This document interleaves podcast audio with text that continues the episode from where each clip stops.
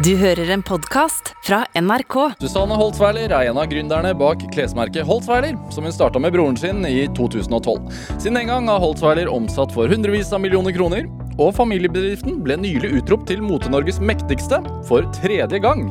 Filosofien bak suksessen har alltid vært at utfordringer, de løser seg. Dette er Drivkraft med Vegard Larsen i NRK P2. Susanne Holsweiler, velkommen til Drivkraft. Tusen hjertelig takk. Hvordan har du det? Du, jeg har det bra.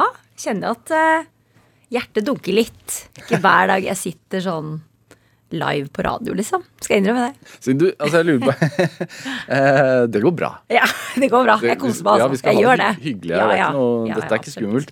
Det jeg bare lurer, siden du Altså, du driver med klær. Det er jo blant annet. Er det Hvordan er du når du kler på deg om morgenen? Du, jeg er veldig um, Jeg tenkte på det i dag, Spontan, skjønner du, fordi jeg har to små unger. Jeg, har ikke, Ja. altså det det, jeg, jeg kan gå ut av huset og så bare sånn Å ja, var det det jeg hadde på meg i dag? Ja. Ja.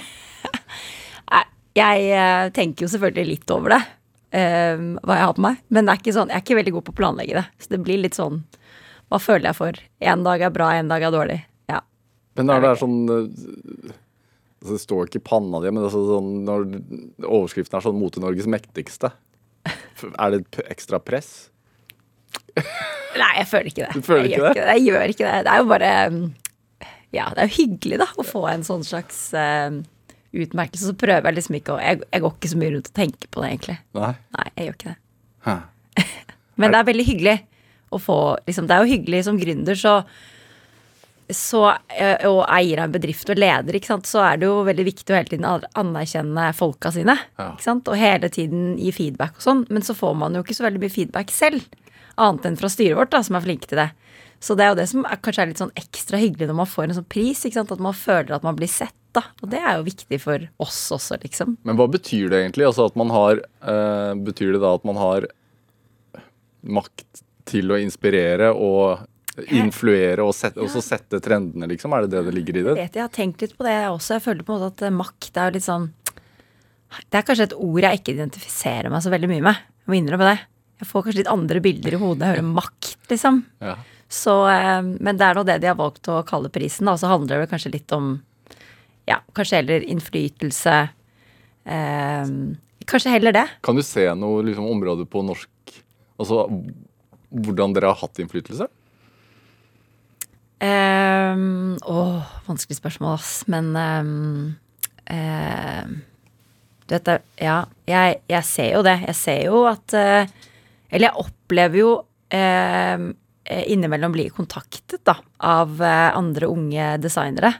Som spør om et møte ikke sant? og spør om å få tips til hvordan starte et brand. ikke sant? Og det er jo veldig veldig hyggelig. At man kanskje inspirerer andre til å starte for seg selv. Uh, uten at det skal virke så veldig vanskelig. Så det merker jeg jo. eh, at vi Ja, at det er At dere har vist vei, liksom? Ja, vist vei, ja. At det går an. Fordi når vi startet, så var det litt sånn um, Altså Maria, svigerinnen min, som er designeren vår, hun sier jo det når hun fortalte folk når hun studerte, og det er jo ikke egentlig veldig lenge siden, ikke sant, at uh, hun eh, Nei, hun skulle bli designer når hun ble stor. Ja. Og så spurte folk sånn Ja, men hva skal du egentlig bli? så, så det har jo endret seg.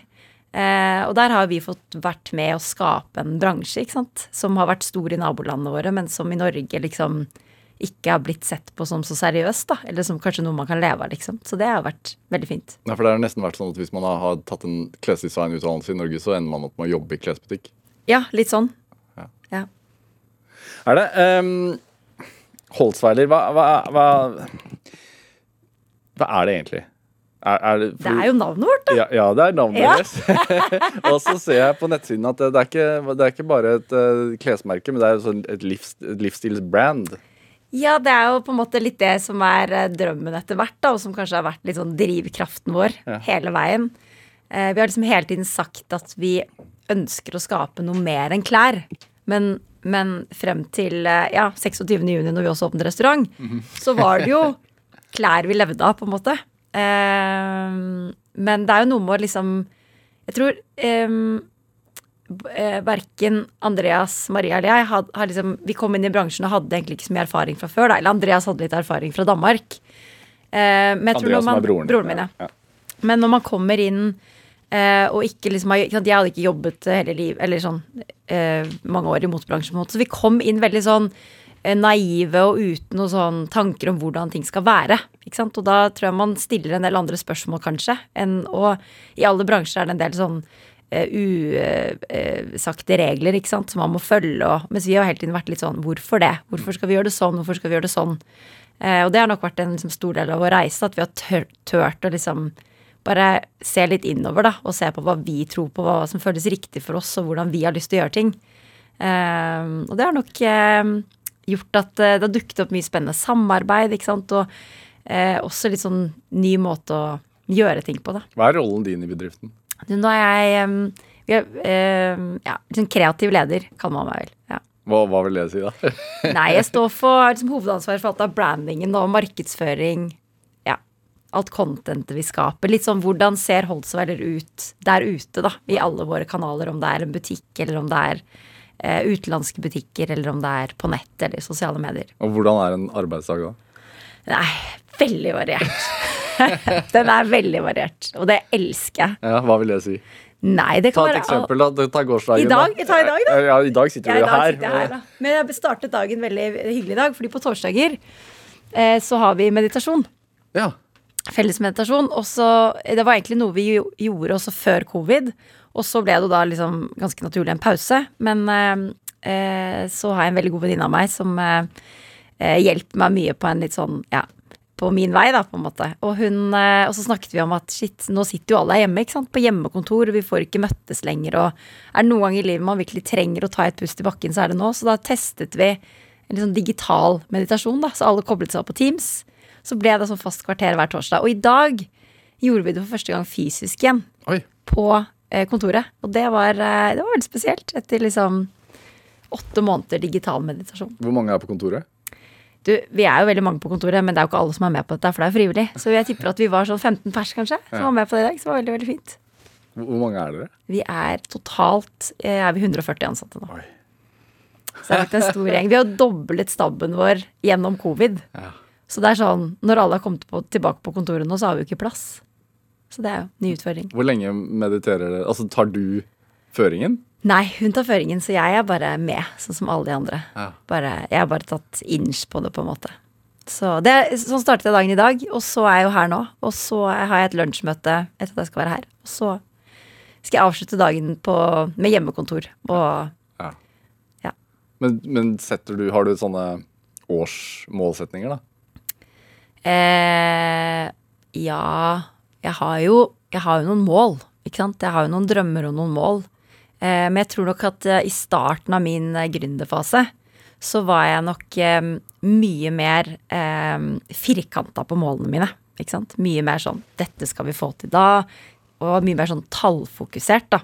Og det er nok helt nødvendig i starten, ikke sant, når man er en, helt i starten. Mens så er det nok målene og visjonene blitt liksom større og større. Og man ser, sant, når man hele tiden får en bekreftelse på at ok, vi satte oss dette målet, og vi fikk det til, så tør man jo hele tiden å tenke større, da. Og det er veldig gøy.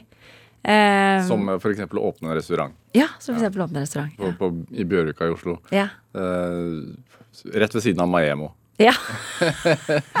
Så, og det er, hvor, hvorfor åpner et klesmerke en restaurant? Du, det handler jo litt om uh, igjen det om å stille seg spørsmål. Ikke sant? Hvorfor ikke? eh, og litt sånn Vi har jo lenge snakket om sånn hva er fremtiden til retail? Eh, Altså Altså eh, gå og handle klær I i butikk. liksom. liksom. Rett og slett. Fysisk retail. Hva, hva er fremtiden? Og man har jo sett hvordan folk ikke sant? Det har jo, Netthandelen har jo vokst voldsomt, også før covid. Og gjennom covid så bare eksploderte det. For da skjønte jo sånn alle hvor lett det er å faktisk handle på nett.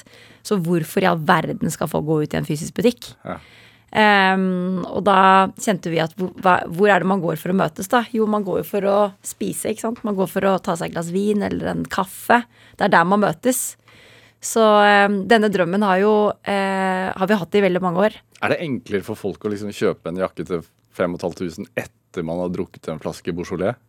Er det det som er Kan hende. Kan hende. det var jo litt sånn, det var vårt eksperiment da, med plats.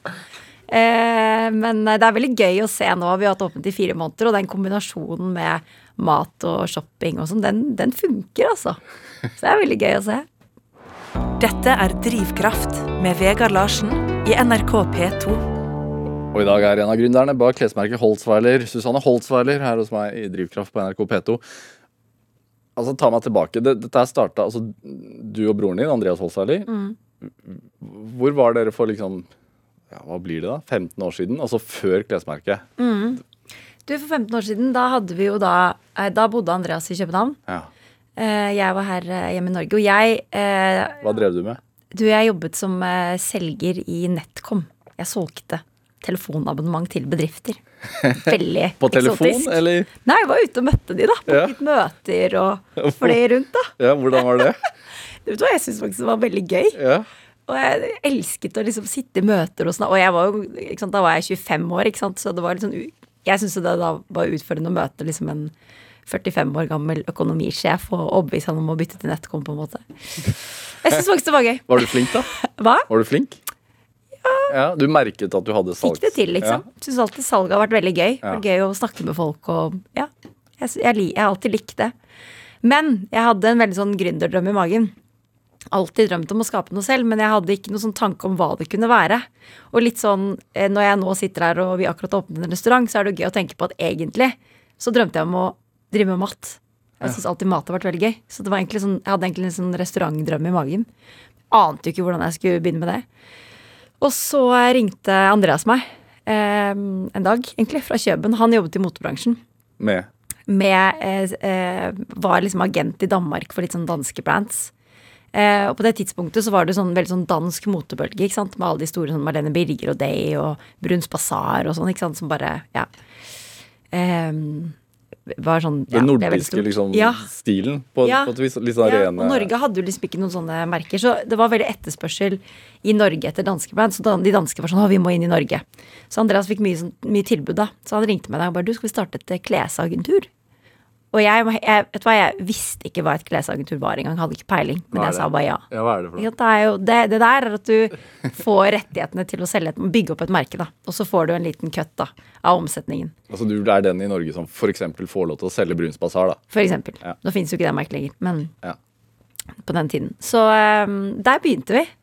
Eh, og jeg husker bare sånn det første showroomet vi fikk. Jeg visste jo ikke engang hva et, showroom er jo da et sted hvor du kundene kommer inn, og så kjøper de klærne. Ja. Så det skal jo liksom være liksom fint og stort og alt sånn. Mens jeg kom jo ikke fra den verden. Sånn at, eh, og Andreas hadde vel tillit til meg, da. Eh, jeg skjønner egentlig ikke at han hadde det, men det hadde han. Så jeg mekka opp et showroom på Majorstua, 40 kvadratmeter, på et lite hjørne. Det er en sånn sjokoladebutikk der i dag. Men jeg var veldig opptatt av at vi skulle ha et kontor. Så halve showroomet var jo kontor. Men det trengte vi jo ikke, vi skulle jo selge klær. Så ja, der begynte det. Ja. Hva, hva solgte dere? Du, eh, et av de første merkene våre var et merke som het Madsen Øregård. Ellers så hadde vi agenturer på noen T-skjorter som het Gorilla, som var utrolig harry med sånn forferdelig print på, men vi solgte helt sykt mye T-skjorter. Så det var liksom noe som eh, Det, det Ja. Men, Eh. men så dere allerede da at Altså Lærte dere allerede da at uh, hvordan man selger Altså hvordan man får innpass? Hvordan Det var jo det vi lærte, ikke sant? Ja, Det var det vi sånn lærte. Disse Gorilla-T-skjortene, for eksempel. Da. Ja, ikke sant. Så det, vi var jo sånn vi, vi hadde jo ingen kontakter i Mote-Norge, på en måte. Så jeg gikk sånn Og der tok jeg jo kanskje med meg den litt sånn uredde erfaringen fra å jobbet som sant, telefonselger, da. Ikke sant. Jeg var jo veldig uredd. Og var vant til å bare sant, ringe og booke møter og alt det der. Så da måtte jeg jo gjøre det litt sånn i ny drakt, da. Så da gikk jeg rett og slett, satt meg liksom i bilen og banket dører da, på butikker og hei, liksom. Jeg driver Jeg husker vi hadde et merke som het eh, Vadums rom. Eh, og på det tidspunktet så kalte vi oss jo Holtzweiler agenturer, men ingen visste jo hva Holtzweiler var. ikke sant? Og jeg er jo også oppvokst med å ha et etternavn som ingen klarer å uttale. Eh, Jeg har liksom blitt kalt alt fra rottweiler til pottevarmer til gud vet hva. Så jeg husker som jeg satt og skulle booke møter da med disse butikkene som ikke ante hvem vi var, og var sånn Hei, det er Susanne fra Holtzweiler agenturer, har du hørt om Vadums rom? Og da husker jeg en gang var en kunde som bare Sa du baderom? Så der begynte det. Ja. Der begynte det. Og så um, har vi gått liksom steg for steg, da, så tror jeg at vi egentlig veldig tidlig, helt fra disse første månedene, fikk liksom meldt inn bekreftelse fra folk på at liksom De ville jo kjøpe det vi hadde da. Eh, og vi har liksom alltid hatt en veldig sånn steady vekst. Og så så vi hvordan liksom, oi, men vi kan liksom bygge opp disse merkene i Norge. Og så begynte denne drømmen om å vokse og om å skape sitt eget merke. da. Hva lærte dere om Altså, Hvordan bygger man merkevarer? Hvordan, hva lærte dere om det? Um, jeg tror nok vi eh, lærte at det er veldig viktig at liksom, eh, ja, PR og markedsføring og tilstedeværelse og, og, og, selv om det da var et dansk merke, så lærte vi nok at det var viktig å prøve å gjøre det så lokalt som mulig. For Mads Nørgaard, for eksempel, ble jo det var, det var det mange som gikk med. Ja, det, var- Vi, det, vi fikk en sånn veldig hype på det helt i starten. Eh, men hvis du ser på Mads Nørgaard, for eksempel, så er jo han eh, ikke sant? Han er jo en, eh, et ikon i Danmark, nærmest. ikke sant? Og Andreas, som hadde bodd der så lenge, han kunne jo ikke fatte og begripe når han kom til Oslo. Hvorfor i all verden er det ingen som selger Mats Nørgaard her? Eh, men da sant, åpnet vi butikk. Vi hadde et eh, arrangement på Blå, husker jeg, som eh, var helt fantastisk. Med liksom konsert med surferosa, og det var liksom masse folk. Og veldig sånn, og det husker det eventet, på det tidspunktet var Mote-Norge veldig sånn høye hæler og champagne. Og vi var sånn Vi skal ikke ha høye hæler og champagne. Vi skal ha det på blå. Det skal være øl. Altså det jazz, skal være eller sånn en, en jazz-hiphop-klubb eh, Ja. Altså et utested langs Ja, Akerselva. ja. Østkant-ish i Oslo. Ja, ikke sant? Ja. Så det var veldig sånn Veldig annerledes eh, for å være motebransjen da, da. Hvorfor tenkte dere det, da? Jeg tror nok vi var veldig inspirert av det danske. Ikke sant? Andreas hadde da bodd åtte år i København. ikke sant? Så vi, så vi var veldig inspirert av liksom, Danskene har alltid vært liksom så laidback og kule og litt mer Ja, litt den stilen der da, som vi kjente at liksom, det vi har lyst til å bringe det til Norge. Var det viktig da snakker om Man snakker mye om sånn influensere og sånn i dag. Det gjorde man kanskje ikke på den tiden på samme måte i det hele Mm. Tatt. Men var det en del av en slags strategi? At de riktige folkene hadde de riktige klærne? Ja, det var jo det, når du sier det uten at vi liksom da tenkte Da var det jo ikke noe sånn like bevisst som i dag, da. Ikke sant? Um, så ikke sant, motemagasinene hadde mye mer innflytelse. Så det var jo kanskje viktigere med liksom journalistene og du vet, liksom stylistene, og det er fortsatt viktig i dag, men da også, Og selvfølgelig liksom kjendisene. Da snakket man kanskje mer om liksom kjendisene kontra liksom influensere, da. Um, så det var viktig å, å være uh, på crowden, liksom. Men, uh, men uh, ja. Men det var veldig annerledes. Hvordan jobbet dere med det, da? Vi jobbet med det veldig sånn Det var veldig organisk. Ikke sant? Alt handler Altså motebransjen er veldig sånn people business. Så det handler om å bygge relasjoner og bli kjent med folk. Og det er jeg så heldig med at jeg har en bror som er helt rå på, liksom. Helt rå. Så jeg, eh, i starten så tok jeg veldig den daglige lederrollen. Holdt liksom i trådene, ikke sant. Sto for alt av liksom fakturering og logistikk, og jeg var liksom den personen. Og så var Andreas den kreative som jeg kastet litt foran hele tiden. Ikke sant? Og sørget for at liksom, du må bli kjent med disse menneskene, og så skal jeg, jeg skal holde, jeg skal holde i, holde i sjappa, liksom. Ehm, Men det, det å da drive en agentur og så importere andres klær og selge det, Mm. til å starte sitt eget klesmerke, ja. hvor stort steg er det? Du vet det er mye større steg enn det vi trodde. så, ikke sant, eh, som veldig mange andre ting vi har gjort, så kastet vi oss litt inn i det òg. Det vi starta med, var jo skjerf. Ja, det husker, altså Jeg husker jo det. Det er Ja. sånn jeg oppdaget dere. Ja, At alle, eh, veldig mange i Oslo gikk plutselig rundt med kjempesvære skjerf. Mm. Stemmer det. Altså, fordi det gikk jo fra Det gikk jo nærmest fra liksom Mette-Marit-Knuten Ja. til å ha sånn enorme Holsweiler-skjerf ja. fra et år til et annet, holdt jeg på å si. Uh, det stemmer, det. Det stemmer, det, altså. Ja. Men det som er gøy, er at de skjerfene du snakker om der, Ja. de kom først i 2014. Ja. Så de første skjerfene, det var litt mer som Mette-Marit-knuteskjerf, faktisk. Eh, det var um, litt sånn tynnere ull silkeskjerf, og så var det silkeskjerf med liksom digitalprint, da. Um, det var der det liksom det først startet, og det var litt fordi um, vi er jo ikke designere, verken Andreas eller jeg. Men vi hadde jo Vi er selgere, ikke sant? Men vi hadde voldsomt behov for å Eller ønske om å skape noe eget. Eh, og så så vi at på det tidspunktet så ble det solgt så utrolig mye skjerf. Fordi vi har jo, hadde jo da veldig sånn fingeren på pulsen, ikke sant. Hva er det som rører seg der ute? Ja. Eh, og da var det noen sånne eh, stjerneskjerf. Husker du det? Alle gikk med sånne skjerf med stjerner. Nei, Men, det, men det gjorde de, da. Og, Ja. vi, bare, og vi fikk jo høre fra butikk, kundene våre ikke sant? hvor mye stjerneskjerf de solgte. Og vi bare ja, men det er, det er jo ikke mulig å selge så mye skjerf. Og det var da vi tenkte ja, men la oss bare begynne med skjerf, for det kan vi jo få til uten å være designere. Så det var derfor vi begynte med skjerf. Og så um, Og metervare. Ja, metervare. Dere hadde skjerf på rull. Ja. Igjen, ikke sant. Det var sånn, la, hva kan vi gjøre? Hvordan kan vi gjøre litt annerledes? Og da tenkte vi at eh, det hadde vært morsomt, da. Men vi trodde ikke det skulle selge. Det trodde vi var mer sånn gimmick, på en måte, for å få litt oppmerksomhet. Eh, men det solgte så bra. Så det var kjempegøy. Så kundene liksom Ja, solgte. Og vi fikk laget sånn stativ. Jeg husker jeg fikk hjelp av en sånn smijernsfyr her i Oslo. Sto jeg nede i gamlebyen med han på hans verksted og bare fikk laget da et stativ til disse rullene med skjerf som kom fra India. Og vi fikk risset inn målebånd på siden, og det skulle være ordentlig, da. Hvordan bestemte dere hvordan skjerfene skulle se ut? da? Du vet hva, Det var det faktisk mamma som kom med liksom den siste inspirasjonen på, som gjorde at eh, vi fikk det til, da. Ok, fortell. Eh, nei, eh, altså vi var litt sånn å skulle være ensfarget og liksom fine kvaliteter og litt sånn. Men så, når vi fikk disse første skjerfene, så var det litt sånn oi, her er det noe som mangler.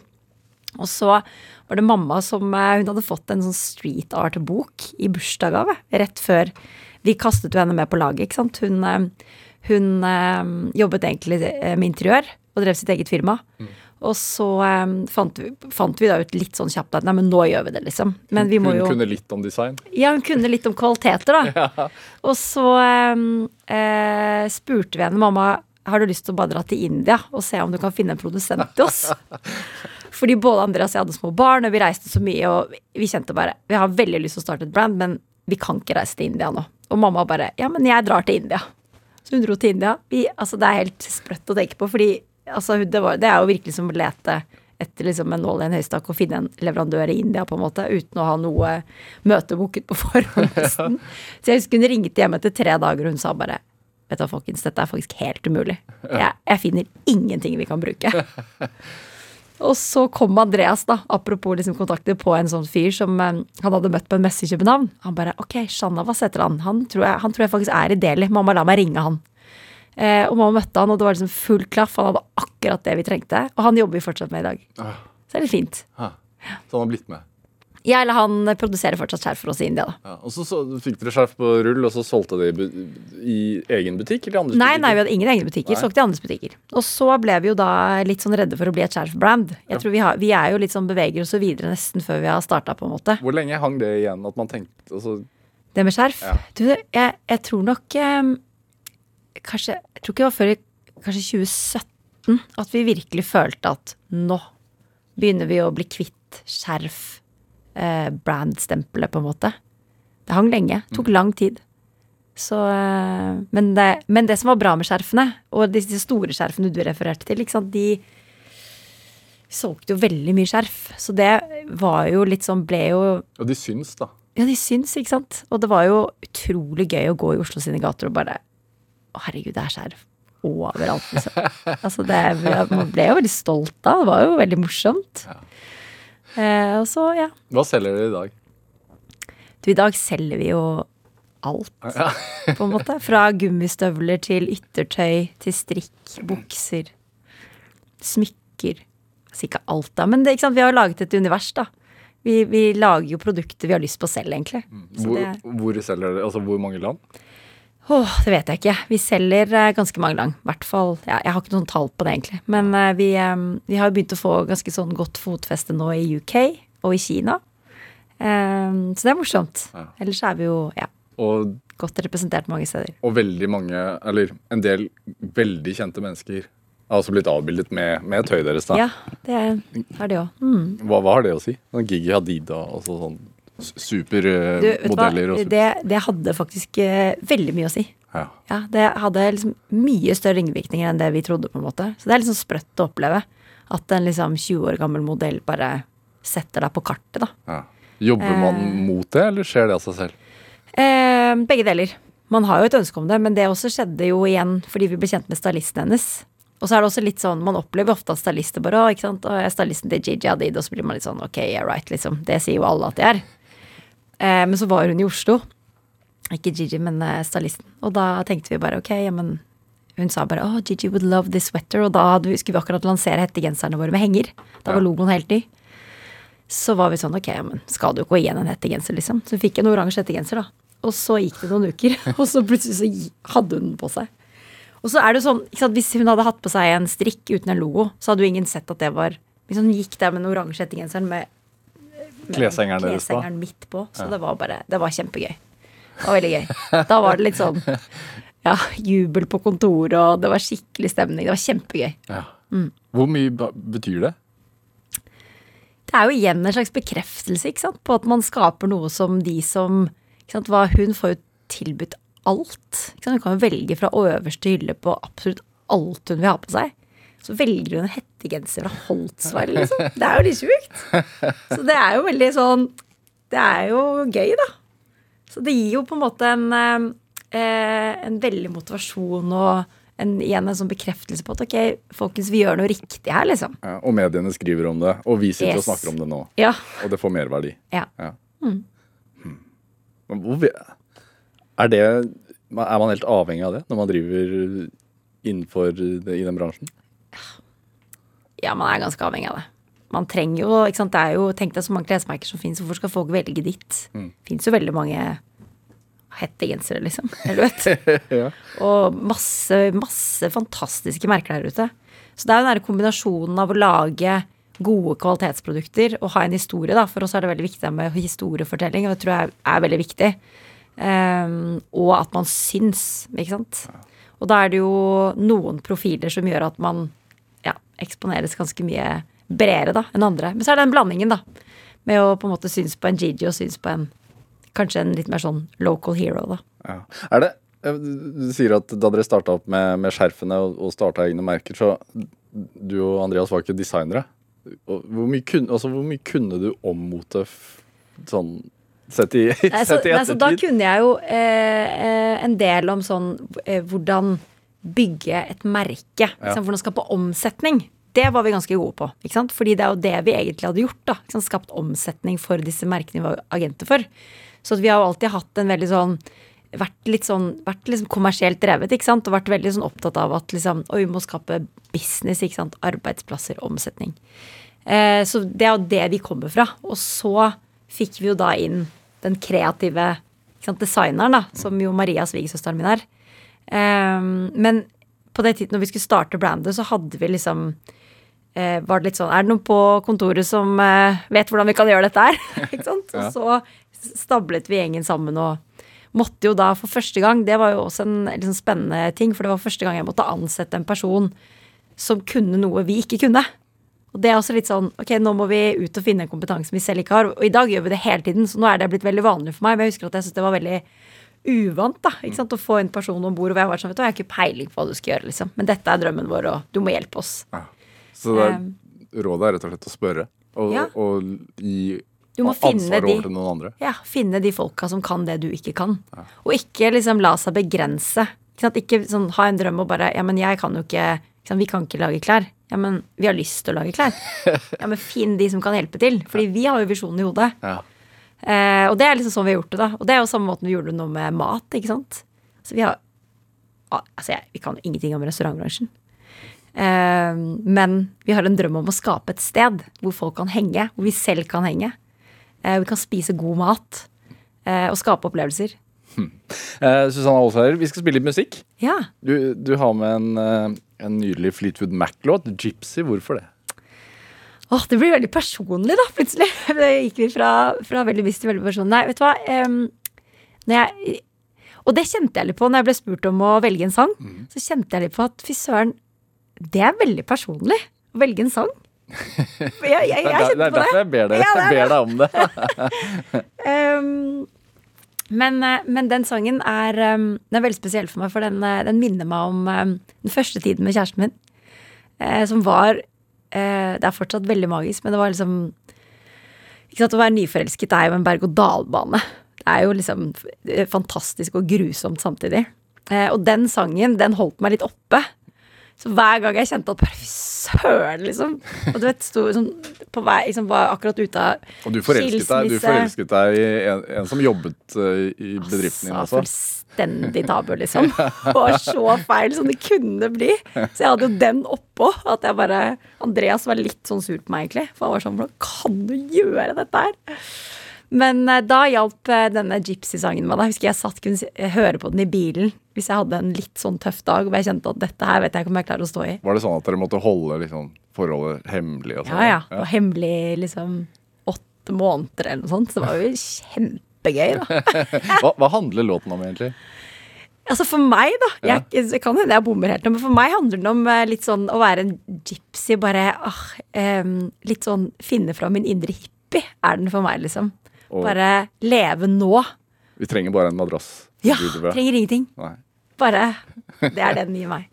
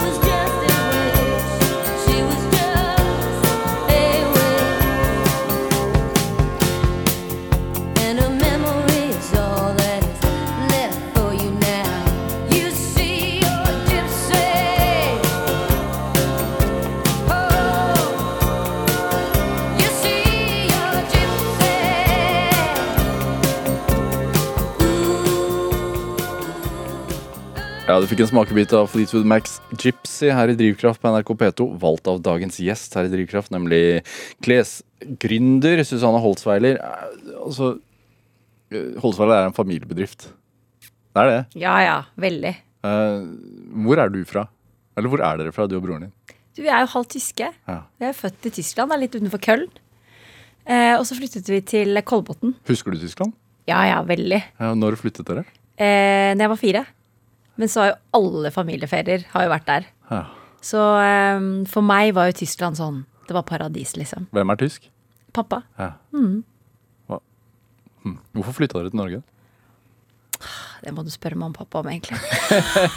jeg tror det var litt sånn Hvor skal man bo, på en måte? Litt sånn evig dragkamp for de to, på en måte. Men så da hadde de vært noen år i Tyskland, så da var det vel naturlig å ta- ta noen år i Norge, og så ble vi her. Hvordan, hvordan var Holsweiler hjemme, da? Holtsveilet hjemme var veldig tett. Veldig familie. Vi var veldig sånn kjerne-kjernefamilie, liksom. Det var veldig fint. Jeg har seriøst hatt verdens fineste oppvekst. Oss mot røkla, liksom? Eller sånn Nei, bare veldig sånn Ikke oss mot røkla, bare veldig sånn inkluderende. Alltid åpent hus. Ja. Alltid liksom Ja, bare alltid åpent hus. Veldig sånn åpne eh, foreldre, på en måte. Men samtidig trygt, da. Hva gjorde mor og far da dere var små? Du, de jobbet eh, Mamma jobbet i databransjen. Eh, og pappa jobbet som selger. Ja. Ja, så det er, eh, De er litt selgere begge to. Jeg tror vi har det litt derfra. Jeg husker pappa hadde alltid sånn gründerdrøm. Han hadde sånn Nei, nå importerer vi masse fotballspill. Eller vet han bare hadde alltid sånn lyst til å gjøre noe eget. Hva solgte han da? Nei, jeg, jeg bare husker at han hadde mye sånn prosjekter, liksom, og snakket med liksom noen er nå gjør vi dette, og gjør vi dette, liksom. Men, men, men eh, jobben sin så, så solgte han Han var liksom alt fra medisinbransjen til um, teip. Ja, emballasje. Bli- Er det Er man født Blir man født god til å selge? Har dere blitt det, tenker du? Kanskje, Ja. kanskje, når du spør om det. Jeg har ikke egentlig reflektert så mye over det før du egentlig spør om det. Så det er morsomt. Men uh, vi har nok uh, ja. Så, men det har vært liksom gründer, den der gründerambisjonen, eller den der troen på at man kan starte opp noe eget. ja, den har alltid vært der. Ja. Selv om vi liksom egentlig kommer fra en sånn Egentlig en liksom tradisjonell familie. Ikke sant? Det var ikke mye penger, eller det var ikke liksom Det var jo ikke noe sånt. Det var jo veldig nedpå. Ikke sant? Bodde øh, i et rekkehus på Kolbotn, liksom. Eh, og det var ikke sånn verdens beste økonomi og ikke sant. Det var, alt var veldig sånn Ja, kan man si litt vanlig, på en eller annen måte. Men, eh, men ja, det er gøy når du sier det, for det er, fordi uh, samtidig som det var det, så opplevde jeg at mamma og pappa alltid backet oss. Det var aldri noe sånn 'og du må bli det, og du må bli det'. Det var aldri noe sånn press på skolen, eller det var aldri Det var alltid bare sånn De var veldig, og er fortsatt, veldig oppbackende, da. Uh, og veldig sånn uh, Selv om de kanskje ikke sa sånn 'du kan få til alt du vil', så følte jeg at de sa det. Er det noe er du, altså, Det at du er halvt tysk, er det, har det hatt noen påvirkning? Altså, er, det en annen, har, har, er det noen mentalitet fra det tyske også? Den er jo litt mer sånn strukturert, da. Ja, Det er det, jo ikke. det sies jo at den er det, men er Ja. den det? Ja, Ja. jeg syns den er det. Den er jo litt mer strikt og strukturert. Men samtidig, Køllen, da, som vi er fra, den er jo eh, er veldig mye mer laidback, da. De har jo blant annet karneval, ikke sant. Det har vært en sånn stor ting i vår familie, da. Karneval i Køllen, liksom. Det har vi feiret alltid. Og det er, jo, det er jo litt galskap, ikke sant. Er du, du er lillesøster? Er storesøster. Storesøster. Hvor gammel er Andreas? Du, han ble 40 år i går. Å ja. Ja. Gratulerer med dagen igjen, bror. Men hvordan, altså, hvordan var deres kjemi som barn? Eh, Vi, altså, vi krangla jo selvfølgelig, Ja. eh, som søsken gjør. Og vi er jo veldig close. Vi er jo bare, det er bare halvannet år mellom oss. Men eh, eh, vi var veldig close. Og så, eh, når vi var eh, Andreas var 15 og jeg var 17, så ble mamma og pappa skilt.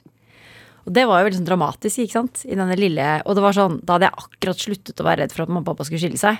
Og så ble de skilt. Og da flyttet eh, Andreas og pappa til Tyskland. Og det er litt sånn, vi, vi snakker ofte om det nå at liksom, det er så rart å tenke på at liksom den der veldig sånn kjernefamilien vår ble så splittet, da. Eh, men allikevel, når jeg tenker tilbake på det, eh, så var vi fortsatt en kjernefamilie selv om vi ble splittet og mappa ble skilt. Så jeg tror nok at eh, mamma var flinke til å svelge en haug med kameler de første årene der. Så jeg og mamma dro til Tyskland hele tiden og besøkte pappa Andreas. Var alltid der på bursdagene, for eksempel. Um, Hvor viktig har det vært? det har vært veldig viktig. Kjenner det, altså. Det har vært skikkelig viktig. Så, og Andreas bodde jo da, han var jo borte fra Norge i ni år, for da flyttet han til Danmark etterpå. Og da flyttet vi sammen til Danmark. Eh, og så kom jo pappa tilbake hit, ikke sant. Og, i dag, og, mamma, pappa, og nå er det jo, ikke sant, pappa var jo første ansatt. Er det sant? Ja, første Sånn det. ansatt av pappa. Du, han eh, drev lageret vårt. Pakka varer. Og, og, og mora, mor, Mamma. var, hva skal man si, designer? Ja, produksjon, da. Produksjon. Produserte, og det gjør hun jo fortsatt. Ja. Så det er uh... Hva, hvor, hvor, altså, måtte det mye overtalelse til, eller var det bare nei, nei, de spurte jo selv. Altså, pappa hjalp oss liksom ved siden av jobben um, på kvelden, for da var det sånn selge varer på dagen, pakke på natta. Ikke sant? Sånn er det å være gründer. Uh, og så kom pappa alltid ja, si fra hvis du trenger litt hjelp, og vi bare ja, vi trenger gjerne hjelp. Og så begynte vi å snakke litt om sånn fy søren, tenk å ha et lager. Det hadde vært liksom rått, da. Slippe å stå her og pakke selv på natten, liksom. Eh, og da sa pappa vet du hva, hvis dere åp eh, åpner et lager, da søker jeg jobb som lagersjef med en gang. Og da trenger dere aldri være redd for svinn. Og da var det litt sånn Ok, hvis du vil være lagersjef, da åpner vi lager. Ja. Skrev, skrev du kontrakt? Nei, det kan jeg ikke forestille meg. Men betalte du ut lønninger da? Ja, man fikk ikke så mye lønn, så han var kul, altså. så fikk sånn det han kunne klare seg på, på en måte. Men eh, Så det var veldig snilt av han. Ja, og etter hvert så så øh, svigerinna di, som du sier, altså Marie Skappel, Mm. øh, har blitt en del av det. Mm. kjæresten din jobber jo der. Ja, ja. Hvordan er det? Svigermoren min. Svigermoren din Ja, også? hun driver butikken vår på Fornebu. Kan tenke deg hvor tøft det var når vi ble liksom kjærester? Og jeg bare Svigermoren min jobber her, og han Hvordan skal dette gå, liksom? Ja, Jeg trengte litt Fleetwood Mac da. men er det bare Har det bare fordeler? Vær ærlig nå. Hvordan er julebordene? Er sånn. Nei, men vi er jo mange nå, da. Så vi er jo mange bortsett fra familie òg. Uh, vet du hva? Jeg, jeg, jeg, jeg føler at dette Jeg har jobbet så lenge med familien min nå at jeg kan nesten ikke forestille meg å ikke gjøre det. Så det liksom har blitt en del av livet. Um, selv om selvfølgelig noen ganger så kjenner jeg jo på det sånn Å ha det ansvaret å ha foreldrene mine på lønningslista. Ikke sant? For det har du. Det har jeg. Ja. Og svigermoren min. Ikke sant? Og ikke sant? hele familien. Jeg, sånn, det føler man jo sånn Åh, Det kan være litt tungt noen ganger, kjenner jeg. Jeg skulle ønske at jeg bare Så jeg, jeg kjenner at noen ganger jeg distanserer meg litt fra det. Litt sånn ikke Jeg kan ikke forholde Eller sånn, du vet. Nei, det er veldig vanskelig. Lønnssamtaler. Man man vil jo bare helst gi det i alt i hele verden. Det er familien min. Men så skal du jo være en balanse med alle disse andre. Ja, nei, det er akkurat den biten, den, den syns jeg er vanskelig. Men, men, eh, men jeg trenger ikke å tenke så mye på det, for jeg tror de er fornøyde, altså. Så jeg prøver å ikke gå så mye inn i det. Men hvis det er noe som er vanskelig, så syns jeg det er vanskelig. Men det må ha vært en De må ha hatt veldig troen på, på det Ja, fra starten av. da, Veldig. Altså mamma, når vi skulle starte det første filmet, Andreas og jeg, eh, i 2006, da hadde vi jo ikke engang penger til aksjekapital. Så mamma kom inn på eiersiden fordi hun spytta inn 50 000 kroner. Så vi i det hele tatt kunne opprette et AS. Eh, så hun, ikke sant. Og, og mamma er ikke, har ikke liksom det Hun har ikke sånn Egentlig så var det en, det var en bra investering for henne, på en måte. Så ja. Har det, hvor avhengig er man av investorer? PT har vi klart oss uten, da. Jeg har mammas 50 000. så eh, det er jeg ganske stolt av, egentlig. At vi har klart å holde oss familieeid. Ja, fordi når man ser store merker som klarer seg, så tenker man jo ofte at der er det en investor i bakgrunnen. Men selvfølgelig har jo en pris, ikke sant. Det er jo tøft. Eh, det er jo eh, Nå er vi veldig endelig liksom eh, ganske ovenpå økonomisk, endelig. Eh, men allikevel altså, mange år. Og så er det litt sånn øh, berg-og-dal-bane, ikke sant. Fordi at vi fakturerer veldig mye enkelte deler av året, og ikke så mye andre deler. Men så skal jo produksjonen, eksempel, den skal jo betales seks måneder før vi kan fakturere kundene våre. Så når du vokser, så sant, det, det, det går jo ikke. Men har det vært perioder hvor det er, det er sånn Altså, det har jo vært perioder hvor jeg ikke har fått lønn, på en måte. Selvfølgelig. Men alle ansatte har alltid fått lønn. så øh, ja. Men øh, nå er vi liksom godt over den kneika. Så det føles veldig, veldig bra. Hvordan var du som, ung, altså som ungdom? da Var du moteinteressert? Var du liksom den motinteresserte i gjengen? Nei, ikke noe sånn mer enn venninnene mine, på en måte. Jeg var sånn vanlig jentemotinteressert, men ikke noe sånn ikke sånn at eh, Jeg tror ikke hvis du hadde spurt dem, så hadde ikke de svart for 15 år siden at jeg tror Susanne begynner i motebransjen. Liksom. Jeg jobbet jo liksom i Carlings og syntes det var veldig kult, ikke sant. Og det var Levis 501, og det var den pakka der. Ja. Men, eh, men ikke noe mer enn det. Ikke noe mer enn de andre. Har det vært overraskende? For Hva? dem, tror du? At jeg har endt opp i Ja, som Nordmorgens mektigste, ikke minst. Ja. Shit. Um, altså eh, Ja, kanskje litt. Eller kanskje ikke. Nei, det vet jeg ikke. Du, um, vi begynte jo å prate den timen her om meditasjon, rett og Ja. At du hadde startet Ja. Mm. dagen i dag med å meditere et kvarter med, med de ansatte. Og så sier du nå at det har ikke alltid vært like lett. Hvor viktig er liksom den spirituelle delen, altså den det vært for deg? Det har vært eh, veldig viktig. Ja. Veldig, veldig viktig. Jeg eh, har nok alltid hatt en sånn Du vet sånn Av Andreas og meg så har jeg alltid vært hun litt mer alternative. Som på noen sånne firmadager har dratt det litt langt. Hva- hva vil det si? Ja, eller jeg husker vi hadde en tur Nei, jeg vil ikke gå inn på det. Jo, fortell! Ja, Jo, fortell! Kom igjen. bare Her deler vi alt. Ja, Hans de var Weiler. på en sånn alternativ reise hvor vi endte opp et sted i liksom på Hadeland et sted, og det var sånn Jeg måtte bare kaste en håndkle og si liksom unnskyld, dette funka faktisk ikke. Nei, for, nå har du sagt Nå har du nesten fortalt jeg vil ikke si det, for jeg har ikke lyst til å henge ut dette stedet. Okay, jeg har ikke lyst til å si det. Okay, ok, ok. Men eh, Og det er veldig lenge siden. Men, eh, men, eh, men eh, eh, det skal sies at eh, jeg har fått med meg broren min litt på reisen nå, da, så han også begynner liksom å har blitt egentlig veldig mye mer sånn spirituell. Men hva, hva betyr det? Altså, eh, For oss så betyr det sånn. En av mine favorittbøker, det er en eh, som jeg har sikkert lest. Altså jeg leser den hele tiden, egentlig. Det er en bok som heter The Universe Has Your Back. Så for oss handler det om en litt sånn tillit. Jeg tror når man skal ut og skape noe som man ikke har peiling på hvordan man skal gjøre, f.eks., eller noe som man føler at ok, dette her har blitt så stort nå at vi jeg, jeg må bare slippe kontrollen, fordi jeg kan ikke lenger ha kontroll, da. Da er det sånn um, Da kan vi bare se på hverandre og bare Ok, pust. The universe has our back. Hva betyr, det? hva, hva betyr det? Det betyr liksom at uh, det er noe større enn oss. Som passer på oss. Rett og slett. En, Eh. en engel, liksom? Eller hva? Nei, ja, kanskje. Jeg har ikke noe sånn eh, bilde på det, egentlig. Bare en sånn følelse av at det er et eller annet Det er noe der ute som eh, ja, har ryggen vår, da. Men har du hatt Så vi kan løpe ut og skape og gjøre det vi gjør, og så, og så kan vi stole på at eh, det går bra. At liksom Jeg tror jo at eh, vi mennesker har jo veldig lett for å tenke negativt, ikke sant? Og at ikke ting skal gå bra, og at liksom vi fokuserer veldig fort negativt. Eh, men jeg tror jo ikke at vi er på denne verden fordi at vi skal ha det fælt. Jeg tror ikke det. Jeg tror vi er her fordi at vi skal oppleve det beste av det beste. Og det tror jeg vi liksom både fortjener og er her for alle sammen. Så det er tankesett, rett og slett? Ja, tankesett, ja. ja. Sånn at det å så at når man da blir dratt inn i en eller annen form for frykt for et eller annet, ikke sant? for det skjer jo, for det er veldig menneskelig, så er det noe med å bare Meditasjon, da. Det er jo en slags praksis som hjelper meg, for at jeg, jeg mediterer hver eneste dag. Eh, så det hjelper meg å liksom Jeg er blitt så vant til at det går på autopilot, da. For at jeg er blitt så vant til å bare sitte stille, puste, være takknemlig. Eh, at det bare Nå går det veldig på autopilot. Men grunnen til at jeg begynte med det, var jo fordi at jeg var en kjempekontrollfrik når vi startet firma. Megakontrollfrik, liksom. Kjempedårlig sjef. Bare kontrollerte alle. Ga ikke bort noe ansvar. Og det resulterte jo at jeg gikk på veggen. Ordentlig. Hvordan da? Nei, jeg- ble utbrent, da. Så jeg eh, var jo sykemeldt fra min egen bedrift i seks måneder. Oi. Det var jo ganske heavy. Hvor, altså, Jeg, altså, jeg klarte ikke å hvordan er det å være utbrent? Så det er eh, rareste jeg har opplevd i hele mitt liv. Fordi at jeg er jo veldig sånn sant, full av energi, full av driv, ikke sant.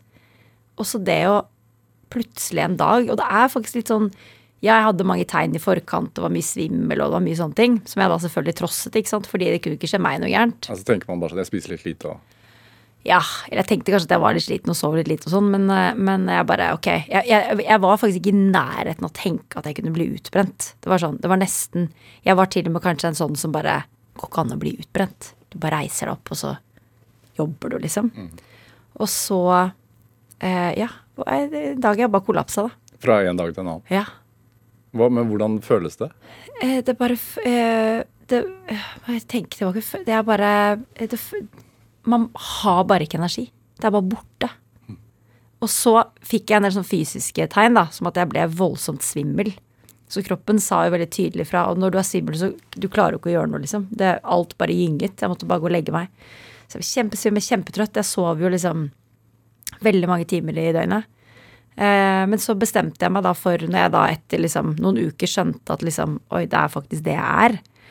Eh, så bestemte jeg meg for at ok, jeg skal i hvert fall gjøre jeg skal, jeg skal fylle hodet mitt med noe positivt hver dag. Eh, så jeg begynte å høre på podkaster. Men på litt sånn amerikanske. Litt sånn, du vet, sånn ordentlig Ja, eller din har jeg ikke hørt på det. Ikke sånn Drivkraft. Eh, men bestemte meg, tok en sånn bevisst forhold til at jeg skulle ikke fylle hodet mitt med liksom dårlige ting nå. Nå må jeg liksom bare bygge meg opp. Og, der, og det lærte, jeg lærte masse ikke sant, av å sitte og høre og lytte. Var du sengeliggende, eller var det sånn at du ikke Ja, nei, jeg sov jo mye da, men jeg var jo, sto jo opp selvfølgelig og var sånn, jeg må gå en tur i frisk luft hver dag, høre på noe positivt, og så begynte jeg å meditere. Og så har jeg jo drevet med yoga lenge. Eh, men jeg klarte eksempel ikke, jeg, med, driver med folk som heter ashtanga, som er veldig fysisk, men det klarte jeg ikke. Jeg hadde, jeg hadde ikke krefter til å gjøre liksom sånn fysisk da. Eh, men, men, eh, men da begynte jeg nok på en litt sånn ny reise i livet da. Eh, hvor jeg eh, skjønte at eh, den derre kontrollfriken, ikke sant, og det å ikke tørre å gi slipp, da, sånn som jeg gjør nå hele tiden. Og bare stole på at det ordner seg. Ikke sant? Jeg fikk, det var da jeg begynte på den reisen, da. Og så har jeg jo sett hvor bra det funker, ikke sant. Um, jeg tror vi lever i en tid også som er kanskje litt sånn brytning nå, ikke sant. Og vi kommer fra en tid som er veldig sånn Men du var jo ung da da du ble utbrent. Jeg var ung, ja. Jeg var jo, det var i 2016. Ja. Ja. Og det, så, hvordan er altså, Det må jo føles litt nifst at kroppen Det var kjempeskummelt. plutselig ikke orker. Det var kjempeskummelt. Det var kjempeskummelt. Men jeg, jeg eh, Hvordan blir det sett på? Altså, det eh, var jo litt sånn eh, flaut. Ikke sant? Så flaut, rett og slett. Og det verste, men det verste var jo at jeg følte at jeg lot familien min i stikken. Familiebedriften i stikken, ikke sant. Eh, men så husker jeg etter noen måneder så sa Andreas verdens fineste ting til meg. Fordi frem til jeg ble utbrent, så var jo jeg på en måte litt hun daglig lederen, ikke sant. Litt hun som bare holdt i alle trådene og gjorde alt. Og så var Andreas sånn kreative. Og så hadde jeg litt problemer med å stole på han òg, ikke sant. Sånn at jeg bare Hvis det var noe han ikke gjorde, så bare gjorde jeg det. Og så var det greit, på en måte. Eh, Så han hadde sikkert også følt på en sånn Og hun stoler jo ikke på at jeg gjør ting. Eh, og dette hadde vi jo snakket mye om òg, men da husker jeg han sa til meg Så sa han sånn eh, Susanne, jeg, må, jeg er så stolt av at du har kommet dit. At du har blitt utbrent. Fordi det betyr at du nå stoler på at jeg kan ta over. Og det var sånn Tenk at han sa det til meg, liksom. Han var ikke sur, han var ikke liksom Eller vet han bare han, han tok det med sånn utrolig fin kjærlighet, og da tok han litt over eh, Ja, sjappa, på en måte, ikke sant? Eh, og så gjorde han noen små endringer som var liksom så riktig, da. For da opplevde, oppdaget han og skjønte hvorfor jeg var utbrent. Fordi alle ansatte hele tiden var Andreas, Andreas, Andreas, Andreas hva skal jeg gjøre? Hva skal jeg? Og han var litt sånn Hæ, hva faen skjer her? Hva skjer her? Så da innførte han en veldig enkel regel. Og det var sånn Ikke spør meg før du har forslag til svar. Ikke sant? Bitte liten ting. Men jeg hadde bare svart, ikke sant. Og ja, micromanage hele bedriften. Ja, så det er en slags sånn bedriftshack. Ja. Ikke spør før du har forslag til svar. Jeg har ikke svart til deg. Og så var det noen basic ting hvor han var sånn Hvorfor spør du meg om det? Nei, jeg trodde vi må liksom spørre om alt. Hva syns du selv? Jeg tenker det er greit. Ja, men da gjør du det. altså, Eh, men det spirituelle, altså har du hatt noen sånn spirituelle opplevelser som er liksom faktiske? Siden du altså eh, Det er jo et litt sånn svevende spørsmål. Eh, jeg har jo det. Jeg har jo Jeg, jeg har en, em, fått en veldig god venninne som jeg begynte å gå til fordi at hun er på en måte en sånn Hun er en Det er hun som hadde meditasjon for oss i dag òg. Hun eh, er jo en eh, Kall det liksom ja, Hvis man skal sette noen navn på det, så er hun en form for healer. Hun driver med kopping og liksom sånne ting. Og så har jeg alltid, altså sånn før jeg gikk på veggen, så har jeg alltid liksom, jeg har gått til akupunktur, jeg har liksom testet mye alternativ Altså jeg er en sånn jeg, Hvis jeg blir syk, så går jeg ikke til legen, da går jeg til akupunktøren min, på en måte. Eller kiropraktor, eller Altså jeg det er, det er bare sånn jeg er. Ja. Um, og hun um, Når jeg var hos henne første gang, da fikk jeg en liksom voldsom opplevelse. Av, av virkelig første gang komme til et menneske som uh, Hun bare så meg, liksom. Hun, kjente, jeg, hun ante ikke hvem jeg var. Hun bare var veldig sånn Susann, du trenger ikke å fortelle så mye, egentlig. Vi bare begynner. Og da fikk jeg en sånn første opplevelse av å, når vi var ferdig, eller midt i timen, å bare gråte. Uten å ha kontroll på den gråten. da Sånn helt sånn Jeg bare kjente at oi, kroppen trenger å tømme seg. Jeg bare tømte meg helt. Men det var ikke noe sånn, jeg var ikke lei meg, jeg bare gråt. Jeg aldri opplevd før. Og det var en veldig sånn sterk opplevelse. Um, og, og rundt det tidspunktet hvor jeg gikk til henne, så uh, prøvde jeg å bli gravid. Ønsket, så vi ønsket liksom å få en liten Ja, en liten tredjemann. Um, og da og så hadde jeg mistet den sommeren, så jeg var liksom litt sånn preget av det. ikke sant? Bare, oi, og, Hvor gammel var jeg? 39 år. Litt sånn shit, tenk om jeg faktisk ikke kan få flere barn. Og jeg hadde lyst til å få et barn med Tobias. ikke sant? Mye sånne tanker, da. Eh, og jeg ble gravid typ to dager etter jeg var hos henne. Og så ga hun meg et sånt rødt bånd som hun sa sånn, dette er velsignet Dalai Lama. Og da kjente jeg vet du hva, dette båndet skal jeg bare ha på meg. Det skal ikke av. Og det datt av automatisk noen dager etter fødselen. Jeg vet ikke hva. Så vet ikke om du har svar på spørsmålet ditt. Jeg har ikke noen sånne eh, nær døden-opplevelser. på en måte. Det er ikke det det handler om. Det er mer sånn det der å kjenne at liksom det fins mer mellom himmel og jord. da. Det er litt den der følelsen der. Å få der bekreftelsene, og det kan kanskje ofte være Hvorfor er man redd for Hvorfor, er, hvor, altså, hvorfor har Det er mange nå som, føler jeg, som, som har de tankene. Ja, jeg, jeg, jeg, tror det, sånn? jeg tror det er skiftet. skifte. Ja. Jeg tror veldig på det. Jeg tror det er et skifte mellom en sånn Vi kommer fra en veldig sånn sant, industrialisert verden hvor alt er sånn. Sant, planer og to do og ditt og datten. Og så tror jeg at um, Jeg tror at det er meningen at vi skal inn i en litt ny tid, da. Sant, hvor man er. Og jeg merker det selv. Folk er åpne for dette her. Jeg kan sitte her og snakke om det med deg. Ikke sant? Jeg kunne ikke gjort det for kanskje fem år siden. På samme måten, føler jeg. Um, og jeg merker også at når jeg møter folk, så er liksom man, jeg, jeg blir ikke sett på som helt ko-ko, liksom. Jeg snakker om dette her. Kanskje noen syns jeg er litt ko-ko, men det er greit. Jeg kan leve med det. Uh, men det er jo litt skummelt, da. Ikke sant? Ja. Og, og tro på noe som man ikke kan se, og som man ikke helt kan forstå. Men jeg tror det er noe med å øve seg på jeg tror hvis man, det, det som har skjedd meg, er at jeg har øvd meg så mye på å bare stole på at ting skjer. At jeg Og så har jeg fått bekreftet så mange ganger nå hvordan bare det ordner seg. Ja. Og, og, og ting Muligheter dukker opp, da. Susanne Holsweiler, hva, hva tenker du er drivkraften din? Drivkraften min er Den er definitivt å skape. Jeg elsker å skape. Um, elsker utvikling. Uh, samtidig som jeg også er liksom veldig, veldig glad i mennesker. Og bare det å se at Og der også kommer utviklingen, ikke sant. Fordi for meg Nå har vi 140 ansatte. Så for meg liksom den største gleden akkurat nå i eh, liksom, sjappa vår, er når jeg ser hvordan folk utvikler seg hos oss. Og jeg ser at folk kan ha liksom en intern reise hos oss. Det elsker jeg. Da blir jeg lykkelig. Tusen takk for at du kom hit til Drivkraft. Tusen hjertelig takk for at jeg fikk komme. Hør eh, flere samtaler i Drivkraft på nrk.no, i NRK-appen, eller eh, last oss ned som podkast. Send oss gjerne ris og ros og tips til mennesker du mener har drivkraft. Send den e-posten til drivkraft.krøllalfa.nrk.no. Vi hører veldig gjerne fra deg. Produsent i dag var eh, Kjartan Aarsand. Ellenfold Sørensen gjorde research til denne samtalen, og Anne Sofie Stang bidro også sterkt til denne sendingen. Følg oss også gjerne på Instagram på NRK Drivkraft. Der har du en bildeoversikt over alle som har vært gjest i dette programmet. Jeg heter Vegard Larsen. Vi høres igjen. Du har hørt en podkast fra NRK. De nyeste episodene og alle radiokanalene hører du først i appen NRK Radio.